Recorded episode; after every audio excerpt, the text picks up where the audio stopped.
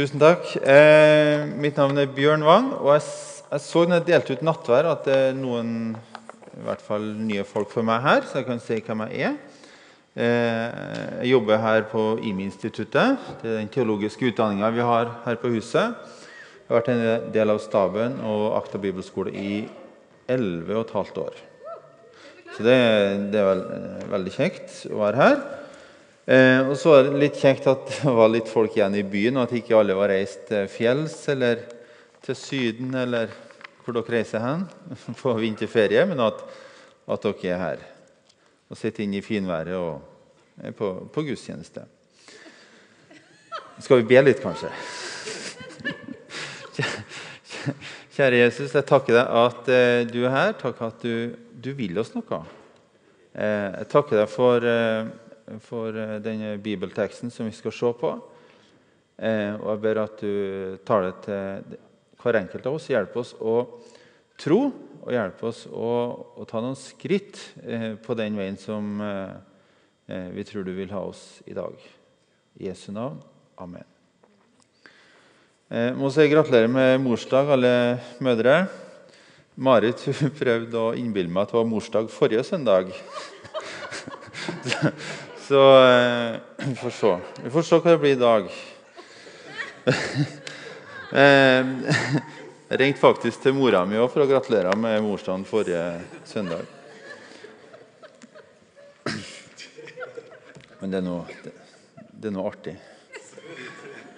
Eh, vi har kommet til kapittel 4 i Johannes-evangeliet. Og vi har en serie i Imi-kirka denne vinteren og våren som går på Johannes-evangeliet.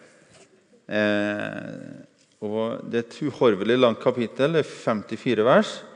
Og Jeg gikk ut litt sånn bredt tidligere tidlig i uka og sa at det er jo så langt jeg må jo ha to helt forskjellige taler. Så jeg kan ha tale på G11, og så tar første halvdelen nå, første halvdelen da.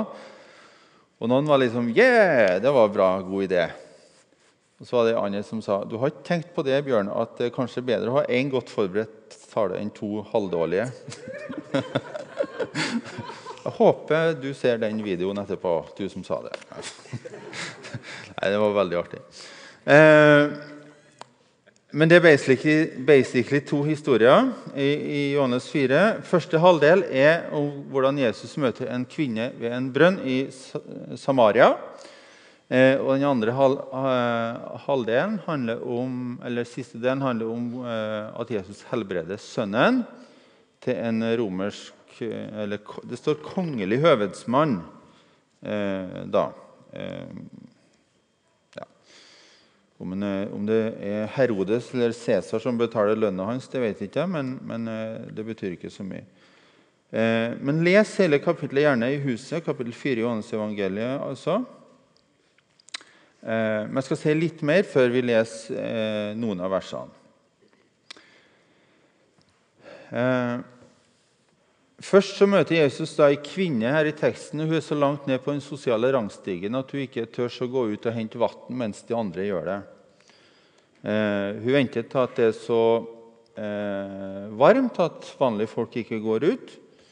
Eh, og når hun slipper å møte blikkene til, til folk.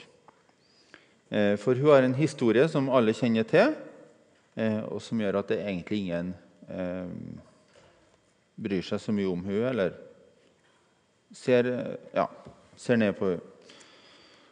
Eh, Den kongelige høvedsmannen, som er i siste del av kapittelet, han er jo da i andre enden av skalaen. Så du har et kapittel som eh, rommer ei som ser på seg sjøl som det laveste av det laveste, og så har du en som er eh,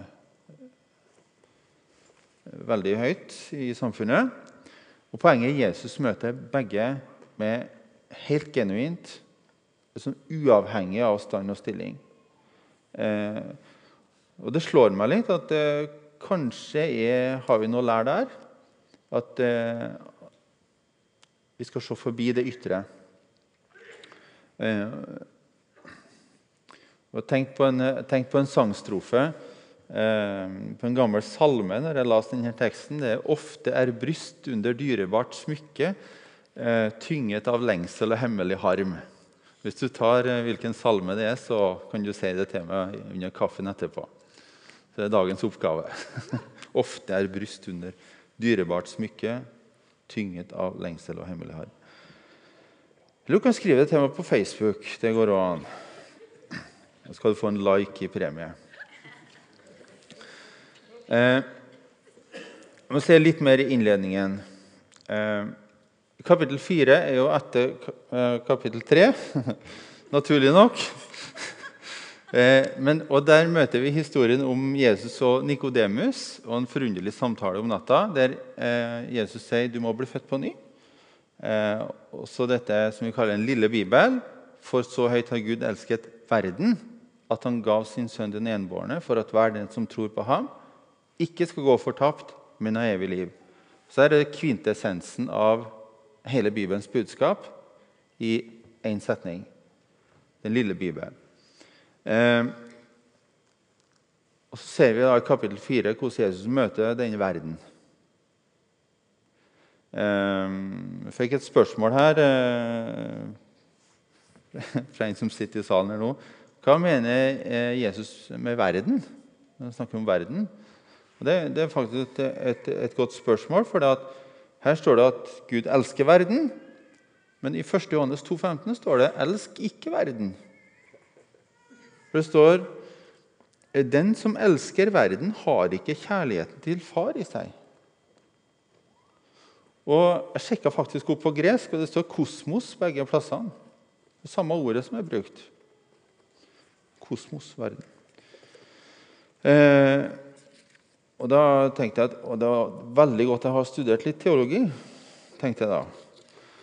Jeg husker det når jeg gikk på skolen, at, at Johannes bruker verden på forskjellige måter. Noen ganger bruker han i betydning menneskene, at Gud elsker menneskene. Og andre ganger som en kontrast til himmelriket. Jeg ser på Øystein, for du har studert teologi. Tommel opp. Ja, like. Eh, så, eh, så eh, eh, verden, altså å være verdslig i forhold til å være eh, Gud det, som en kontrast. Det som vil friste oss, det vil, som vil dra oss bort, det skal vi ikke gå etter. Men menneskene, de elsker Gud, og dem skal vi gå etter. Håper det var oppklarende. Eh,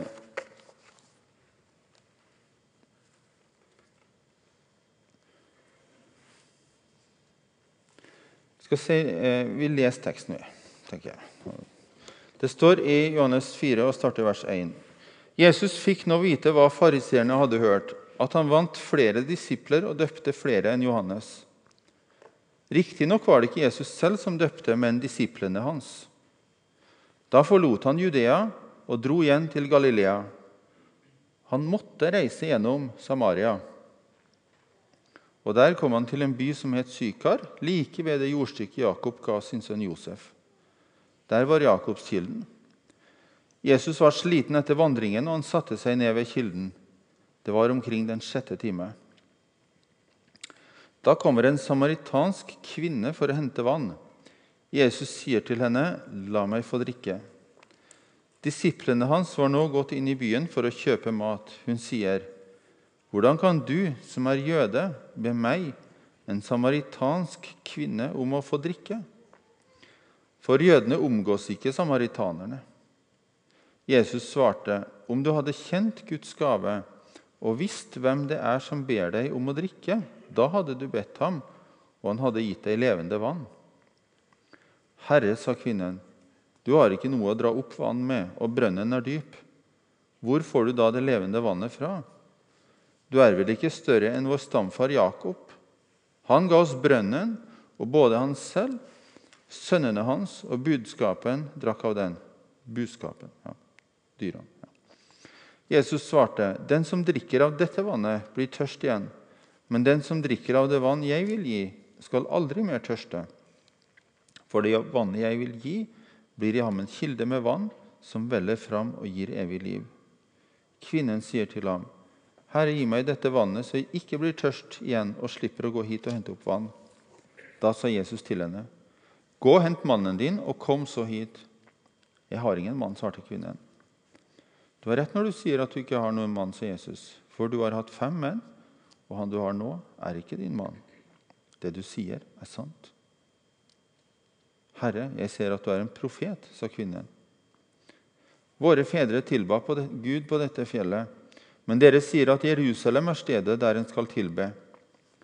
Jesus sier til henne, 'Tro meg, kvinne, den time kommer da det verken er på dette fjellet eller i Jerusalem dere skal tilbe Far.' Dere tilber det dere ikke kjenner, men vi tilber det vi kjenner, for frelsen kommer fra jødene. Men den time kommer, ja, den er nå, da de sanne tilbedere skal tilbe Far i ånd og sannhet. For slike tilbedere vil Far ha. Gud er ånd, og den som tilber ham, må tilbe i ånd og sannhet. Jeg vet at Messias kommer, sier kvinnen. Messias er det samme som Kristus. Og når han kommer, skal han fortelle oss alt. Jesus sier til henne, 'Det er jeg, jeg som snakker med deg'. Eh, det står her at eh, han måtte dra gjennom Samaria. Eh, han måtte jo ikke det. Samaria var et område eller er, jeg vet ikke, i hvert fall et område mellom Galilea og Judea. altså Judea i sør, med Jerusalem og Betlehem områdene rundt. Galilea i nord med Nasaret og, og, de plassene der. Og Mellom så var det et område som ble kalt Samaria. Eh, og Der bodde da altså samaritanerne. Samaritanerne, ja. Eh, eh, nå er det litt forskjellige versjoner på hvordan samaritanere ble samaritanere. Men eh, en versjon går som følger. Eh, en gang før Jesu tid så ble folket liksom hærtatt, deportert, liksom som hel befolkning, bort. Og på en eller annen vei tilbake så ble de blanda opp med et annet folk. Så de var ikke sånn reinrasa jøder. Så de, de, hadde ikke tilgang til gudstjenesten i Jerusalem. Så de var sett ned på av si, de rettroende eller renrase jødene. De var en slags kvasijøder på et vis. De hadde eh, profetene og loven, altså vårt gamle testamente, eh, men de hadde ikke samme adgangen. Eh, og Det er kanskje noe av bakgrunnen til at hun spør hvor skal vi tilbe Gud. hen?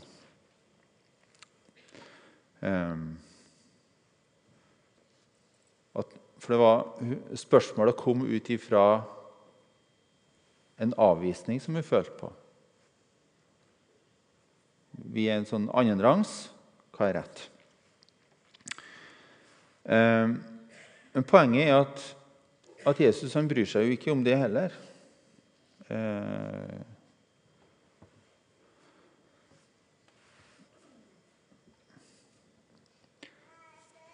jeg tror at dette kapittelet er en misjonstekst som handler om hvordan evangeliet er for hele verden, og hvordan det er for alle folkeslag. Johannes 3 eh, Jesus døde for hele verden. Eh, Johannes 4. Jesus går til hele verden. I hvert fall starte. Eh,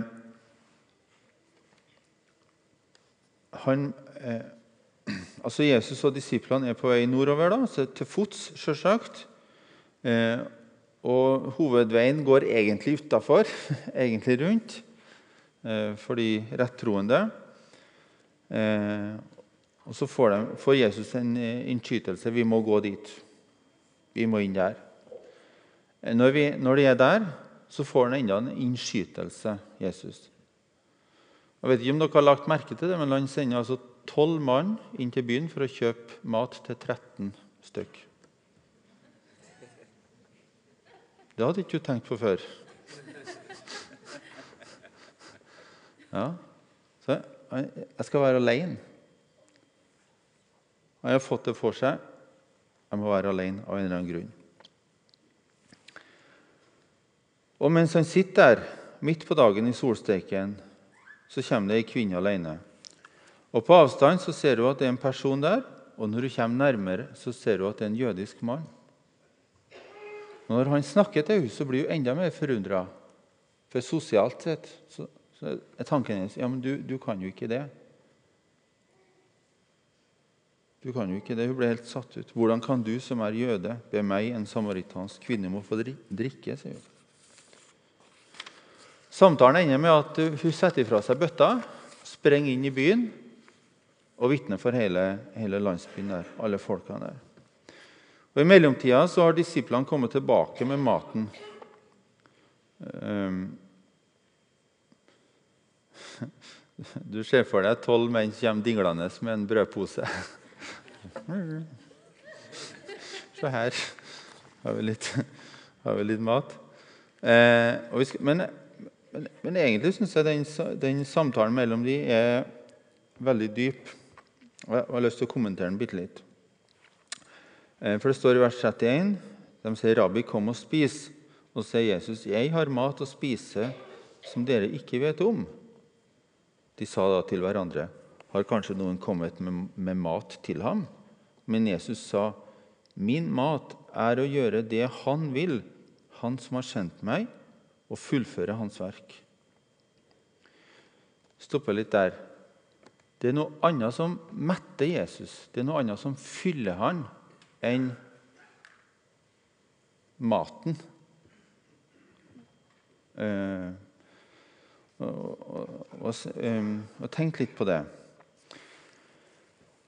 Eh, den kristne tjenesten, altså det, det, vi gjør, gjør vi det ut ifra en tanke om lønn, eller gjør vi det ut ifra en tanke om nåde? Eh, litt spøkefullt så kan jeg si at jeg har lønn for å være kristelig, for det har jeg jo. Og ikke misforstå meg, jeg, er takknemlig for at det er et styre og, og, og det er folk her på huset som sørger for meg og materielt. Ikke misforstå meg, jeg er takknemlig. Men det er ikke det som motiverer meg. Eh, lønningsdag i hermetegn det får jeg når vi har avslutningsfest og vi hører hva Gud har gjort i livet gjennom året. På akta, f.eks. Eller når jeg hører vitnesbyrd da er det lønningsdag. Om hva Gud har gjort i livet. Eh, hva vi fikk bety. Eh, og folk fikk, fikk, være med på, på, på, noe som Gud gjorde. Eh, det høres kanskje fromt og fjernt ut, men eh, vi kan ta en sammenligning. En kunstner er ikke lønna til en kunstner nettopp å ha muligheten til å skape noe. Det er en musiker. Så lønna ligger i at jeg får gjøre det jeg er skapt til å gjøre. er det ikke det? Ja. Eh, det er et privilegium. Og Vi tenker kanskje at Jesus han hadde jo ikke penger. Jeg vet ikke, men han hadde i hvert fall kasserer. Eh, Judas. Eh, og til og med så betalte de skatt til keiseren. Men lønna til Jesus, maten hans, det besto i å få gjøre det han gjorde. Nemlig å elske mennesker inn i Guds rike. Og Det er det som er uttrykk for Guds vilje. I Johannes 5, 19, altså i neste kapittel, så står det Sannelig, sannelig, jeg sier dere, Sønnen kan ikke gjøre noe av seg selv, men bare det han ser sin far gjøre. Det far gjør, det gjør også sønnen. Så Jesu mat, Jesu lønn, om du vil, det var å gjøre Guds vilje. Sagt på imisk være med på det som Gud gjør. Det var lønna hans, det var maten hans. Det at jeg, det at jeg får gjøre det, er, er betaling i seg sjøl. Og hva var det Jesus så far gjør? Jo, det er en innhøsting.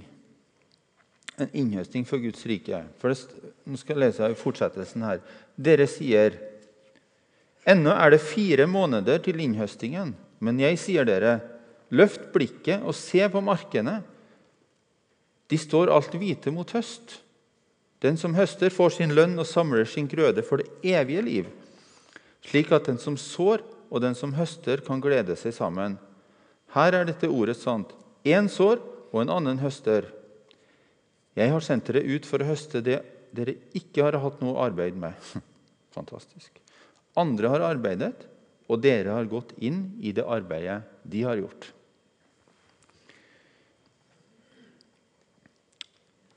Så det, det her så det, det, Jesus så her Hva gjør du, far? Jo, innhøsting. Ok, jeg skal møte denne kvinna. Hun er klar. Hun er klar til å, til å høre evangeliet. Eh, og jeg treffer eh, på kristne, og de sier at ja, skal bare så, og så får Gud ta seg av innøstingen. Ja, kanskje, kanskje, kanskje, er det en sesong for å så også. Og vi skal ikke se smått på å så. Men samtidig eh, så tror jeg at i Guds rike så er det samtidig.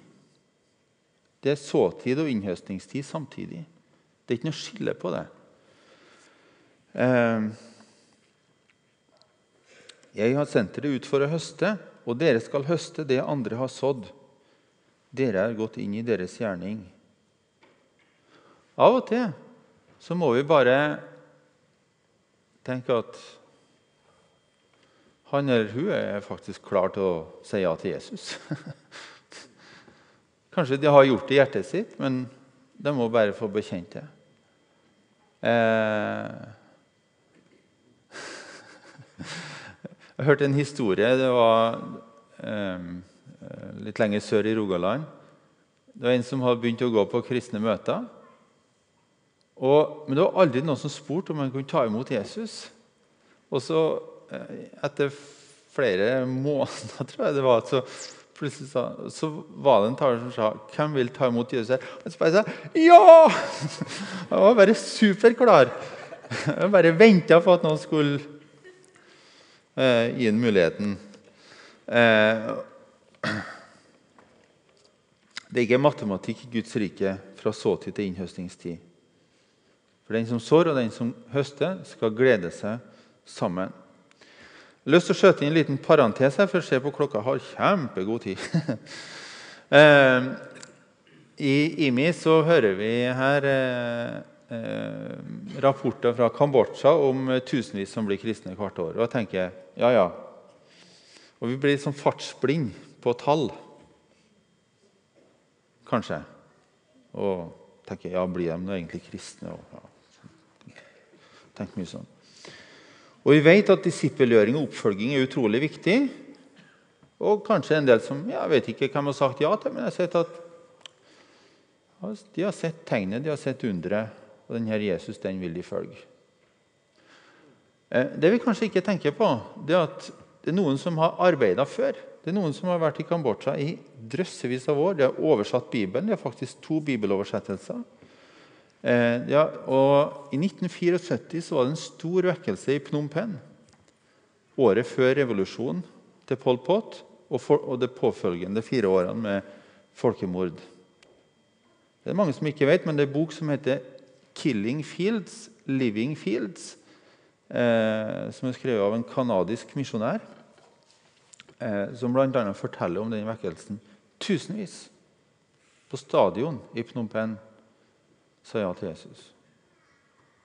Det er noe som er sådd før. Vi har gått inn i noen andres arbeid, sånn at de som har sådd, og de som høster, gleder seg sammen. Lett å bli misunnelig. Her har jeg sådd og sådd og sådd. Har bedt og bedt og bedt. Evangelisert, evangelisert, evangelisert. Så kommer noen andre.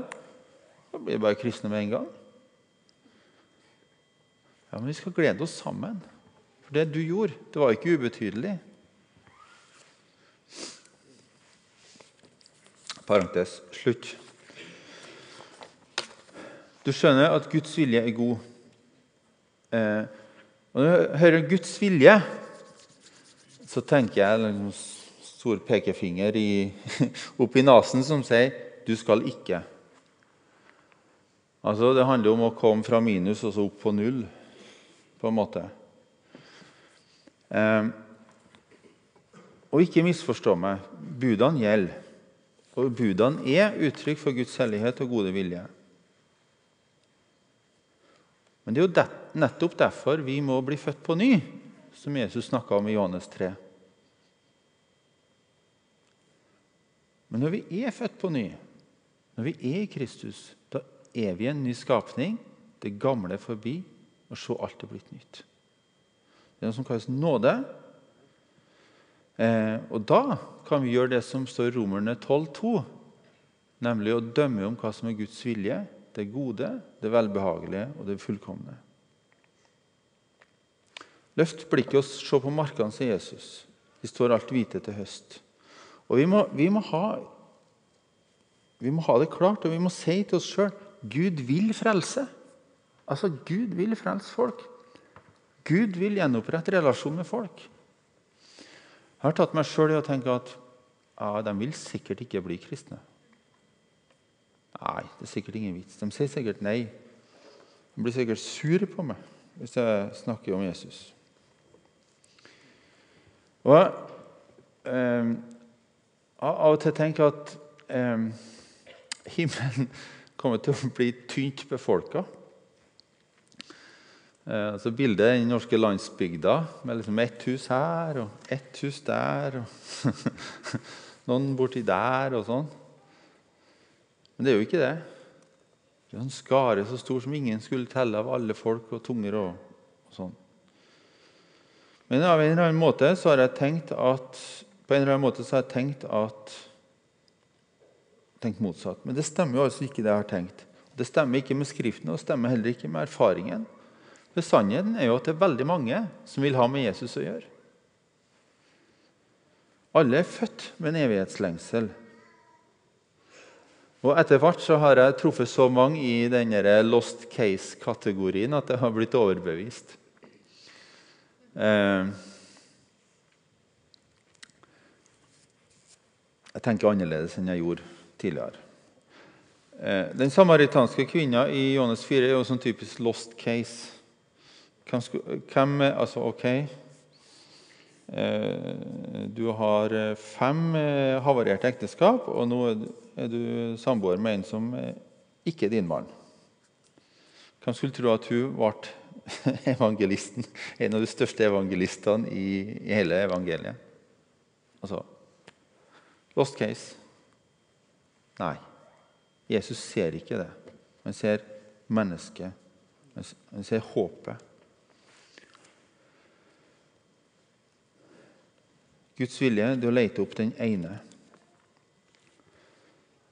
Eh, jeg skal si litt om Jesus eh, før vi sier noe om eh, Ja, jeg skal si litt om Jesus.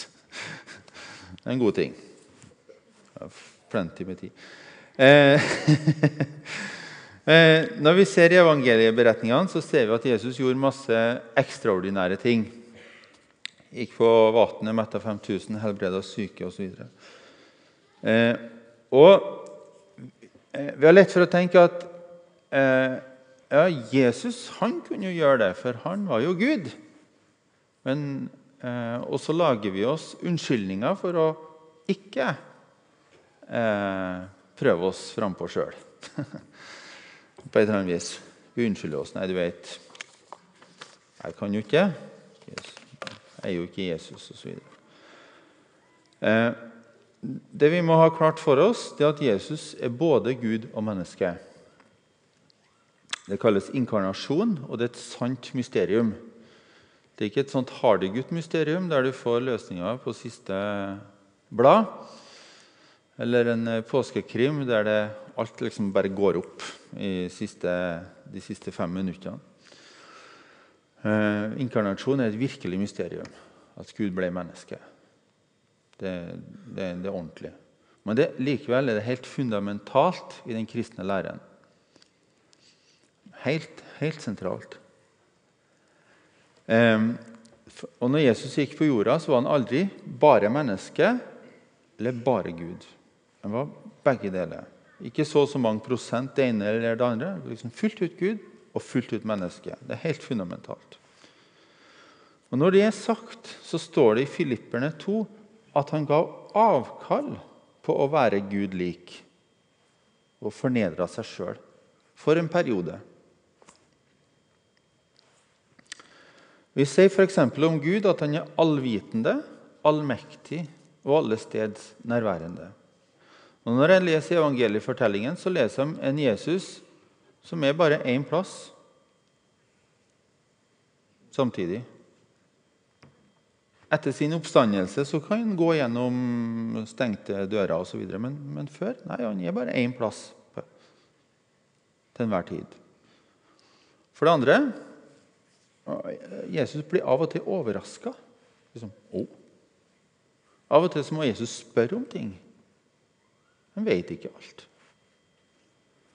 Han er heller ikke allmektig, for han, han, blir trøtt, han er sulten eh, og sliten.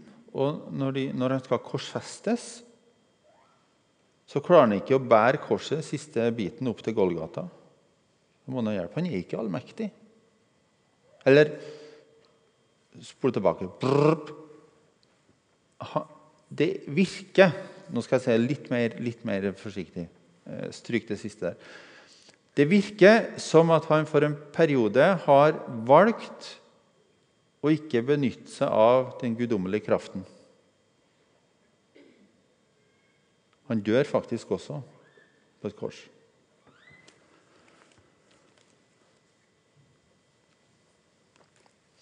Og, det, og, og, og som jeg leste i Johannes 5, 19, det står det sønnen kan ikke gjøre noe av seg selv, men bare det han ser far gjøre. Og det er et viktig poeng. Han kan ikke gjøre noe av seg sjøl, men kun når han er totalt avhengighetsforhold til far i himmelen.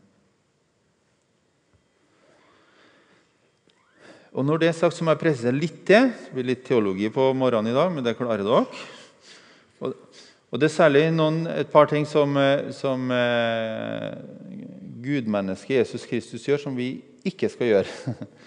eh, han tar imot tilbedelse. Han lar folk tilbe seg. Vi skal ikke la noen tilbe oss. Det er det bare Gud som kan. For det andre, han tilgir synd på vegne av seg sjøl. Det kan ikke vi gjøre. Ingen av oss skal dø på et kors for noens synd i hele verden. Så gjelda er betalt, det er oppgjort. Og for det tredje, han har livet i seg sjøl. Han, han kan si til kvinna Jeg gir det levende vannet. Jeg er Messias. Altså, det er det bare han som kan gjøre. Men så tilbake. Poenget til Jesus med å ha disipler det var jo at de skulle gjøre det samme som han gjorde. Han lærte de opp. Eh, de skulle se på, de skulle delta, og så skulle de gjøre det sjøl. Eh, og Vi ser flere steder i evangeliene og enda mer i apostlenes gjerninger etter at Jesus har fart til himmelen, at disiplene jo, de gjør ekstraordinære under. De, og de er veldig profetiske. De, de, ser ting som øyet ikke kan se, og de går på dem. Blir ledet av Den hellige ånd hit og dit. Og så er det noen som mener at underne, også bruk av profetien, var noe som skulle ende med Jesus og disiplene hans. Vi trenger det ikke nå, hevdes det, for vi har jo Skriften. Og vi har sakramentene, og det er nok. Altså dåp og nattvær. Til det så vil jeg bare si uten videre diskusjon at det er like meningsløst som det er usant. Eh, Jesus har tvert imot vist oss en måte å leve på. I Johannes 13, 13 og så videre, Når han vasker disiplene sine føtter, gitt dere et forbilde. Gitt et forbilde. Og Jeg tror ikke det er begrensa til fotvaskingen. Jeg tror, til, og jeg tror heller ikke det er begrensa til etikken, altså livsførselen hans. Jeg tror også det er i forhold til den kraften Jesus brukte i møte med folk. Jeg kan ikke forstå at det er begrensa til fotvaskingen. Og Nå er vi inne på noe som vi kaller for det profetiske. Eh, nemlig å lytte til Gud. Hva gjør du, Gud? Hvordan kan jeg være med på det? Paulus sier at vi særlig skal søke med iver etter å tale profetisk. Det står i 1. Korinter 14. Og Det er nettopp dette å se hva far gjør, som er det profetiske. Han får en innskytelse. 'Hør her, vi må inn til Samaria.' Ok, da. ok. Går de til Samaria. Så, og 'Jeg må sette meg her, så må dere gå og handle mat.' Ok, ok. vi går og handler mat. Eh, og så kom det en kvinne. og får en innskytelse. 'Jeg skal be om vann. Jeg skal be om en tjeneste. Jeg skal være til bry.' Jeg skal la hun få tjene meg. Og så, for, og så neste innskytelse han skal tilby seg sjøl. Her i Norge så lever vi i noe som vi kaller for et etterkristent samfunn. Altså eh, Det er en kultur som har hatt evangeliet, og som i stor grad har sagt nei eh, til Gud, kirka og det som har med det å gjøre. På en eller annen måte. Og det er veldig mange som har negative opplevelser knytta til kristne. Um, det kan være spesielle opplevelser, eller det kan være bare sånn generelt at strengt osv. Jeg har snakka med mange som sier at du vet, jeg også ber når jeg har det vanskelig, men kirka Nei, der passer jeg ikke inn. Jeg er ikke sånn. Jeg tror at vi kan bruke den profetiske gaven som alle kristne har fått, som redskap når vi skal elske mennesker inn i Guds rike. Ehm, for noen dager siden, jeg tror det var forrige uke eller ja, kanskje en eller to uker siden, så var jeg på Coop Extra på Tasta. Står jeg i kassen og så eh, med handlekorga mi. Det hender at jeg handler mat. Eh, og, og, så eh, tenker jeg at eh, han som står foran meg, har ikke penger til å betale for det han handler. Jeg bare får en innskytelse. Bare tenker det. Tenker jeg skal betale for den. Og så står han der med kortet, og så stemmer det. vet du, Han har ikke penger på kortet. Men da er jo jeg klar. Sant? Da har jeg liksom tenkt tanken at øh, jo, det, det kan jo, jeg kan jo gi det. Jeg skal innrømme, veldig, innrømme, at jeg er veldig glad han hadde bare en Red Bull og en pakke med kaffe. men, men, men, jeg tror faktisk jeg har gjort det om han hadde hatt mer òg. Eh, altså, men, men, jeg håper det i hvert fall. Men, eh, Og han sier nei, jeg skal ikke. Jo, jeg skal. Nei, jeg skal ikke. Jo, jeg skal betale. Og så sier jeg til han bare sett det for meg. Og så, og så, men han blir jo kjempeglad, og liksom bare Så går han. Og jeg tenker at eh, jeg fikk ikke sagt noe om Jesus. Jeg fikk ikke eh, eh, gjort noen ting. Og, men, men på, akkurat det er ikke så nøye. For det, for det eneste jeg fikk, det var at han har ikke penger. Så, så det er avhengig av situasjonen. Sant? Gud minner deg om ting. Og eh, hemmeligheten Hemmeligheten Hemmeligheten er at du er mer profetisk enn du aner. Eh, det er du.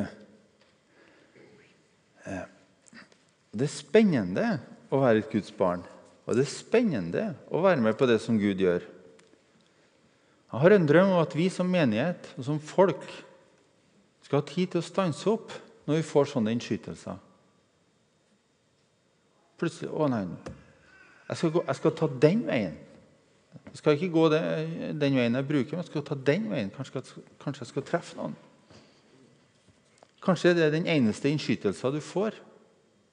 Og så blir det et guddommelig møte. Jeg er sikker på at mange av dere kan fortelle sånne historier. Kanskje når du er en plass, ute i byen f.eks., Akkurat som Gud minner deg om eh, Jeg skal være litt oppmerksom på den personen. Jeg skal vente litt. Kanskje er det noe jeg kan være til hjelp med. Kanskje en samtale. Og Når du står opp om morgenen og så bare ber den bønna Gud, hva har du for meg i dag? Hva er de ferdiglagte gjerningene i dag? Eh, hvilke omveier skal jeg ta i dag? Hvordan kan du ha som grunnholdning at Gud kan bruke deg på det mest utenkelige sted? Ehm. Denne historien, og egentlig alle historiene i Johannes evangeliet, som er sånn lagdelte historier. Sånn lag på lag på lag. Og jeg føler at akkurat nå bare pirker vi litt i historien. Eh, vi kunne snakka ei uke om den historien her. Er ikke du enig, Trygve? Ja. vi bare pirker så vidt i overflate. Så mange dybder som vi dessverre ikke kommer inn på. Eh, men litt om responsen. Eh, når du får et møte med Jesus, så er det frigjørende. Synda, skylda, skammen, den blir borte. Så springer han i byen. Kom og se en mann som har sagt alt jeg har gjort. Det er liksom bare det hun sier. Oi.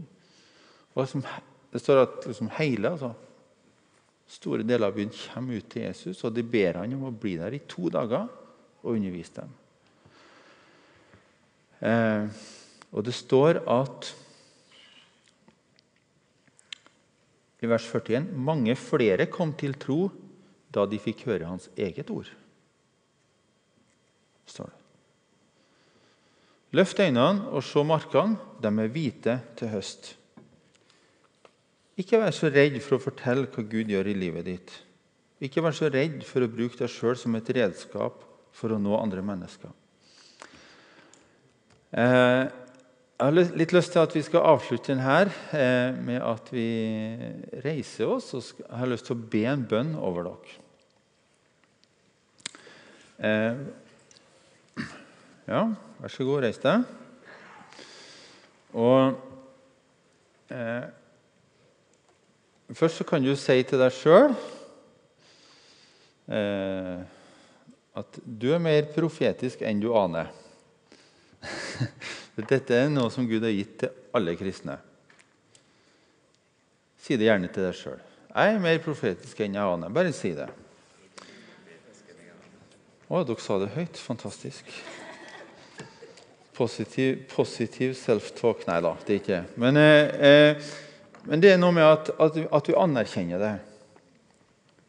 Så, og så Løft øynene litt og se. De, er hvite til høst. Det er jo et billedspråk, da, men det er noen som er klar. Eh, og så er det sånn at, at, Hvis vi tenker at vi skal gå i egen kraft da, med å uh, fortelle noen om Jesus, så er jo det litt eh, i overkant eh, arrogant, kanskje. altså Hvis Jesus trengte å være avhengig av far i alt han gjorde, hvor mer trenger ikke vi det enn han? Så jeg har lyst til, å, lyst til å bare be en bønn for dere. Ehm, og for oss alle sammen. Så bare, bare strekk ut hendene, og så, og så jeg har jeg lyst til å be en bønn. Kjære Jesus, jeg takker deg at du møtte denne kvinna eh, på den måten du gjorde. Jeg takker deg at eh, du har eh, også gjort det for å eh, gi et eksempel til hvordan vi kan møte mennesker. Hjelp oss å møte mennesker med den samme vennligheten, den samme blikket, den samme omsorgen og samme nøden som du møter mennesker. Og Gjør noe i hjertet vårt nå, Jesus, som gjør at vi ser mennesker uavhengig av stand, stilling, rang, posisjon osv. Eh, og så ber jeg at eh, hver enkelt som er her, skal få tro at, de, eh, at disse små innskytelsene som de kanskje får, er fra deg. Og jeg ber om mot og kraft til å våge å gå på det.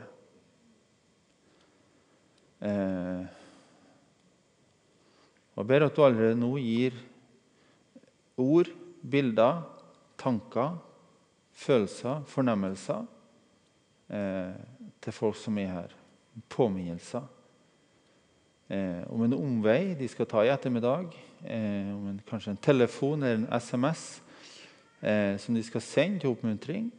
Eh, sånn at folk merker at du er god, Jesus for det er du. Du er god, og vi takker og priser deg. Og vi takker og priser deg for at det som vi får være med på, det er ren nåde, og at lønna ligger i at vi får være med på det som du gjør, faktisk. Gud velsigne deg.